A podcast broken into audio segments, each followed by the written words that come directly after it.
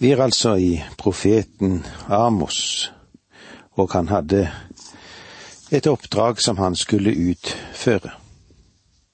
Men Herren tok meg bort fra saueflokken, og Herren sa til meg, Gå og vær profet for Israel, mitt folk, som det står i Amos 7, 15. Amos, han eh, måtte vandre i ørkenen i lang tid, men han var òg i Betel. Betel var til å begynne med hovedstaden i Nordriket, og det var i dette området at Jeroboam 1 hadde satt opp en av sine gullkalver. Det var et senter både for kultur og avgudsdyrkelse. Folket, de tilba gullkalven. Og hva som skjer da, det vet vi alle sammen, de vendte ryggen til den allmektige Gud. Betel var det sted der de sofistikerte, eller de mer intellektuelle blant folket samlet seg. Det var der de var. Eller skal vi si det på en ny, nymoderne måte, det var der ja, jappene holdt til. Det var et sentrum som var blasert, og med dette så oppstår det kulde, det var kaldt. Det var også et læresentrum de hadde en profetskole der. Det var her de liberale holdt til. De ville ha grepet dette med begjærlighet om eh, de fikk anledning til det. Alle de mest moderne og utrerte forståelse av Skriftene. De som visste noe. Det som ble gjort i Betel, var trendsettende for resten av riket. Det var hit motedesignerne kom, og her kunne du se de kreasjoner som neste år ble populære for resten av kongeriket. Blir det videre eller smalere kjortler neste år, tro? Hvordan er det med utformingen av hodeplagget? Hvilke smykker skal vi ha til det og det antrekket ved neste høst? Vel, det var i Betel en dro for å finne ut hva som foregikk, og hva som skulle bli trenden fremover. Og til denne byen kommer så denne landsens predikant. Denne Guds profet. Han hadde et budskap. Han hadde et meget uvanlig budskap. Det var forskjellig fra alle de andre profetene. Amos sto langt fra den stilen for uh, den måten som de skulle kle seg på i, Betel, og like langt sto òg budskapet som han hadde i forhold til alle de andre. Han presenterte ikke et budskap som de var vant med å høre. I kongens kapell var det alltid en mild stemt predikant. Vi kan vel si det at han var meget sofistikert, han var velutdannet. Men en svært så vantro mann som sto på prekestolen, og så ga han folket små trøstende ord. Han ga dem litt kunstig søtningsstoff til livets trivielle og smertelige opplevelser.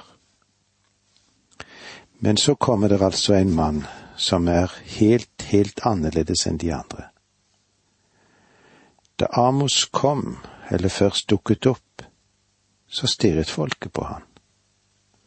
Men vi var overbærende, selvfølgelig.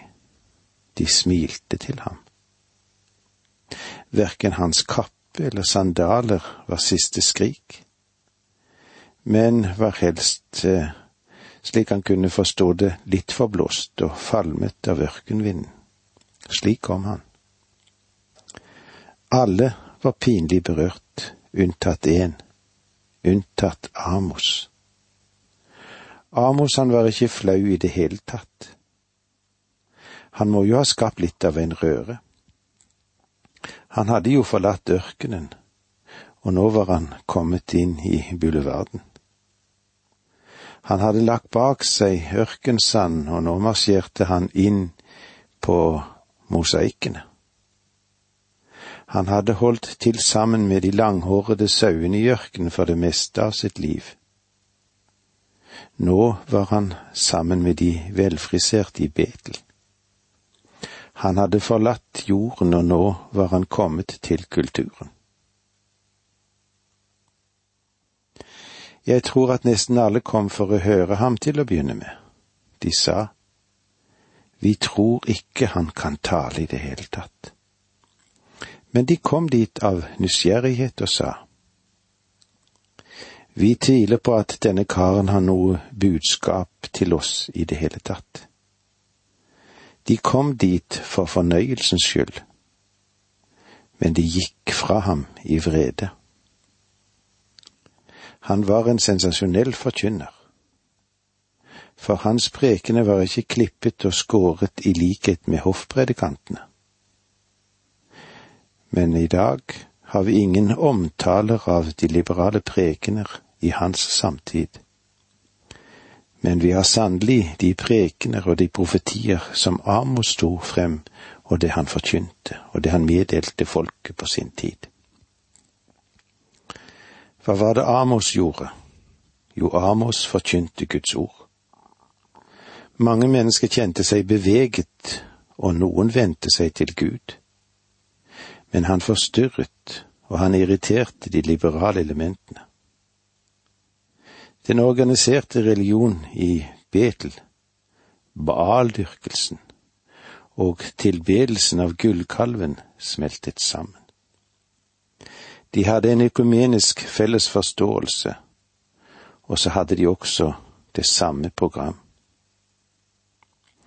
Amos sto midt i denne organiserte religionen som en konspir som konspirerte mot ham for å tyste ham, og de ville forsøke å drive ham ut av byen. Og noen av de ledende økumeniske lederne kalte sammen til et møte. Hva hva de holdt på med? Jo, de ønsket å fjerne Amos. De ønsket å ta bort støtten de tidligere hadde gitt. De sa til ham at han ville miste sin pensjon om han ikke forandret sitt budskap. Men her var det også fundamentalister blant de som bodde i Betel, som begynte å kritisere ham fordi han dro alt folket til seg. De forsøkte å underminere hans tjeneste, men eh, Gud velsignet ham. Og Amos ville ikke inngå noe kompromiss, men fortsatte å forkynne Guds ord. De trommet sammen til et massemøte av alle religionene i Betel og eh, møtet hadde følgende motto.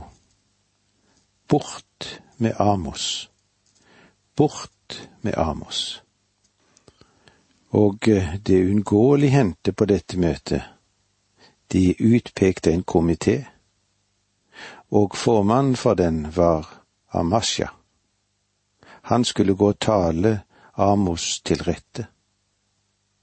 Amasja han var en prest som hadde drevet inn og holdt på med det som har med avgudsdyrkelsen å gjøre. Amasja var også en politisk medløper i religiøs drakt. Han var velpolert, han var velutdannet, stolt, vitenskapelig dannet. Han var from og et klassisk eksempel på blanding av helgen og narr. Og det var så langt vi kunne ta med oss i dag. Men eh, tenk igjennom disse sidene av Amash til vi møtes igjen neste gang. Må så Guds fred være med deg. Dette undervisningsprogrammet består av to deler.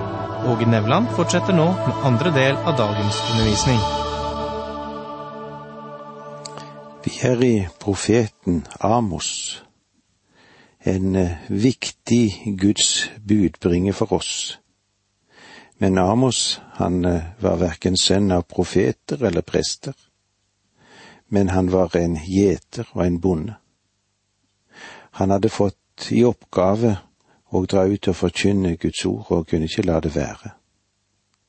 Og han uttalte dette til Amasja, han som var avgudsdyrkelsens ypperste prest, og han anklaget ham for forræderi. Men så ser vi at Gud er suveren, og han velger ut hvem han vil til å være budbærer og bringe budskap ut. Amasja, han var kløktig og smart utviklet, og han hadde en rekke sjakktrekk. Det han gjorde, var å gå til kongen.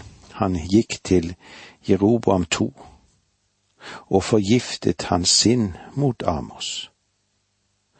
Han dro for å få støtte av kongen, fordi han trodde at kirke og stat, religion og politikk, det burde høre sammen. Og hør nå etter hva som hendte. Det ser vi i Amos i det syvende kapittel, versene ti og elleve. Amasja, presten i Betel, sendte bud til Jeroboam, Israels konge, med disse ord. Amos har fått i stand en sammensvergelse mot deg midt i Israel. Landet kan ikke lenger holde ut alle de ord han taler. For Amos har sagt, Jeroboam skal dø for sverd, og israelittene skal føres bort som fanger fra sitt land. La meg få lov å spørre dere, var det det Amos sa? Nei, det hadde han ikke sagt. Det han hadde sagt, var det Gud hadde sagt til ham. I vers ni i det samme kapittelet, altså i kapittel syv, så står det Jeg vil reise meg med sverd mot Jeroboams hus. Følger du denne skildringen videre, så vil du se at Amos' uttalelse og ordbruk, de var eksakte. Det var klare ting. Det er smertelig at Jeroboam to ikke trodde Amos, fordi hans barnebarn senere ble drept med sverd, og slik ble det slutt med denne kongelige linjen. Det var sant at Amos hadde sagt noe om sverdet, og det han òg sa om Jeroboam, men han hadde ikke sagt at Jeroboam personlig skulle dø ved sverd. Amasja, han var en slags kirkelig politiker som forvrengte sannheten, og eh, det er en av de verste former for løgn du kan møte det. Amasja sa med bitende sarkasme, han sa det til Amos, Gå din vei du ser, kom deg av sted til Juda. Der kan du ha ditt levebrød. Der kan du være profet. Faktisk så sa Amasja til Amos, Hvem sa at du var predikant? Hvor har du din eksamen fra? Hvilket universitet har du gått på? Hvem var det som ordinerte deg? Hvor var du ansatt før du kom hit? Kom deg vekk, stikk av, er du snill. Og så legger Amasja til, der kan du ha ditt levebrød. Og han insinuerer altså overfor Amos, det er for pengenes skyld du har kommet hit som profet, og derfor vil vi ikke ha deg her vers 13 i det syvende kapittelet er toppen på fornærmelse. I Betel får du ikke lenger tale profetord, for det er en kongelig helligdom, ja, et rikstempel. Dette er toppen på det Amasjas sier i sin arroganse. Og ikke bare det, men i overlegenhet. Han anvender her en giftig satire. Han sier faktisk, husk, her har du talt i den ledende kirken i Betel, i kongens kapell. Du har vært i kongens helligdom, og han er misfornøyd med deg. Budskapet som du har å bringe, det forstyrrer ham. Faktisk er det mange som ikke liker deg, og dessuten, du lukter jo som en sau. Du er ikke særlig diplomatisk av deg heller. Du klapper dem ikke på skulderen og forteller dem hvor gode de er.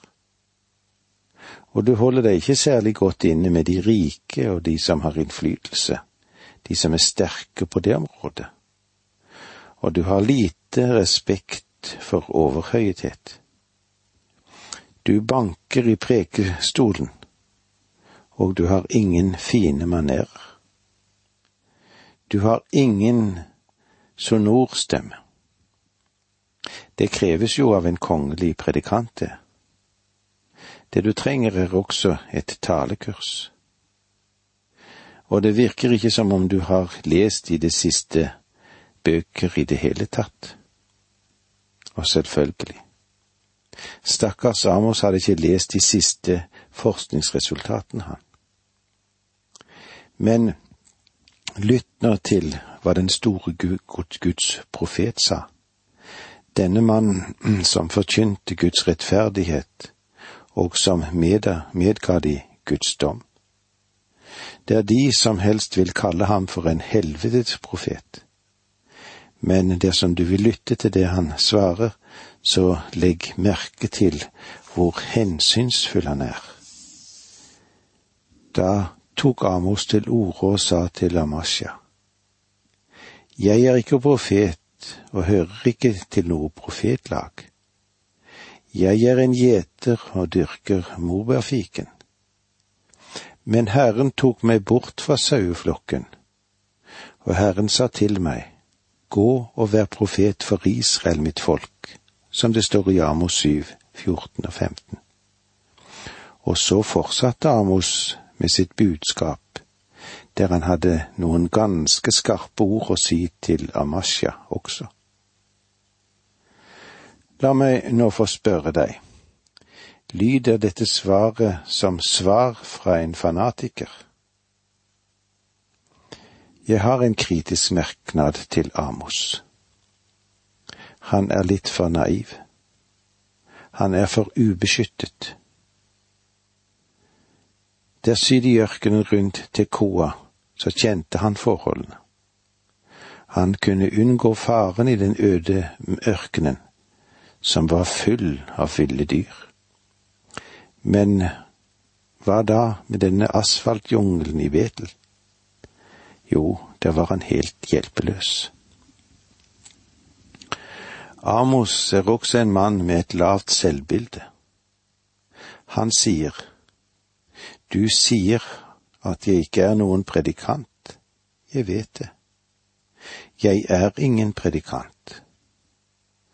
Og du sier også at jeg ikke er noen profet, og du har rett. Jeg er ingen profet. Jeg er ikke engang sønn av en profet. Jeg er en landsens gutt, jeg, jeg kommer fra landet. Men Gud kalte meg. Legg nå merke til de ordene som Amos sier. Vi ser i det femtende verset i kapittel syv. Men Herren tok meg bort fra saueflokken, og Herren sa til meg, Gå og vær profet for Israel, mitt folk. Amos sier, Du spør etter mine anbefalinger, og her er de. Gud kalte meg. Nei, Amos var ikke naiv. Han var kalt av Gud, og Herren ledet ham på den veien som han ville lede sitt folk. Amos var Guds mann, han var den som forkynte Guds budskap. Det at Israel var religiøs på overflaten, det var jo ingen garanti for at Gud ville, ikke ville dømme deres synd. Det var fordi de vraket hans lov gjennom å røve og snyte over vold mot de fattige. Så sa Gud, Jeg avskyr deres festdager. Selv om dere gir som offer til meg brennoffer og matoffer, så vil jeg ikke ta imot dem. Ta bort fra meg den lyden av dine sanger. men la dommen gå over dere som vannfall og rettferdighet som mektige strømmer. Dette var en tid med falsk fred, og i nord hang Syria som et damoklessverd, eller en overhengende fare over dem, klar til å falle dette sverdet. Og i løpet av det neste halve århundret ville Syria ødelegge dette lille kongedømmet. Israel prøvde å overse det, og de fortsatte å tale om fred, men Amos sa, Se, Herrens øyne festet på dette syndens rike, og jeg vil utslette det fra jordens overflate. Naturlig nok så var ikke dette budskapet som ble formidlet populært. Han advarte dem og sa at Gud hadde til hensikt å straffe dem for deres synd. Og med disse ordene sier vi takk for nå, må Gud være med deg.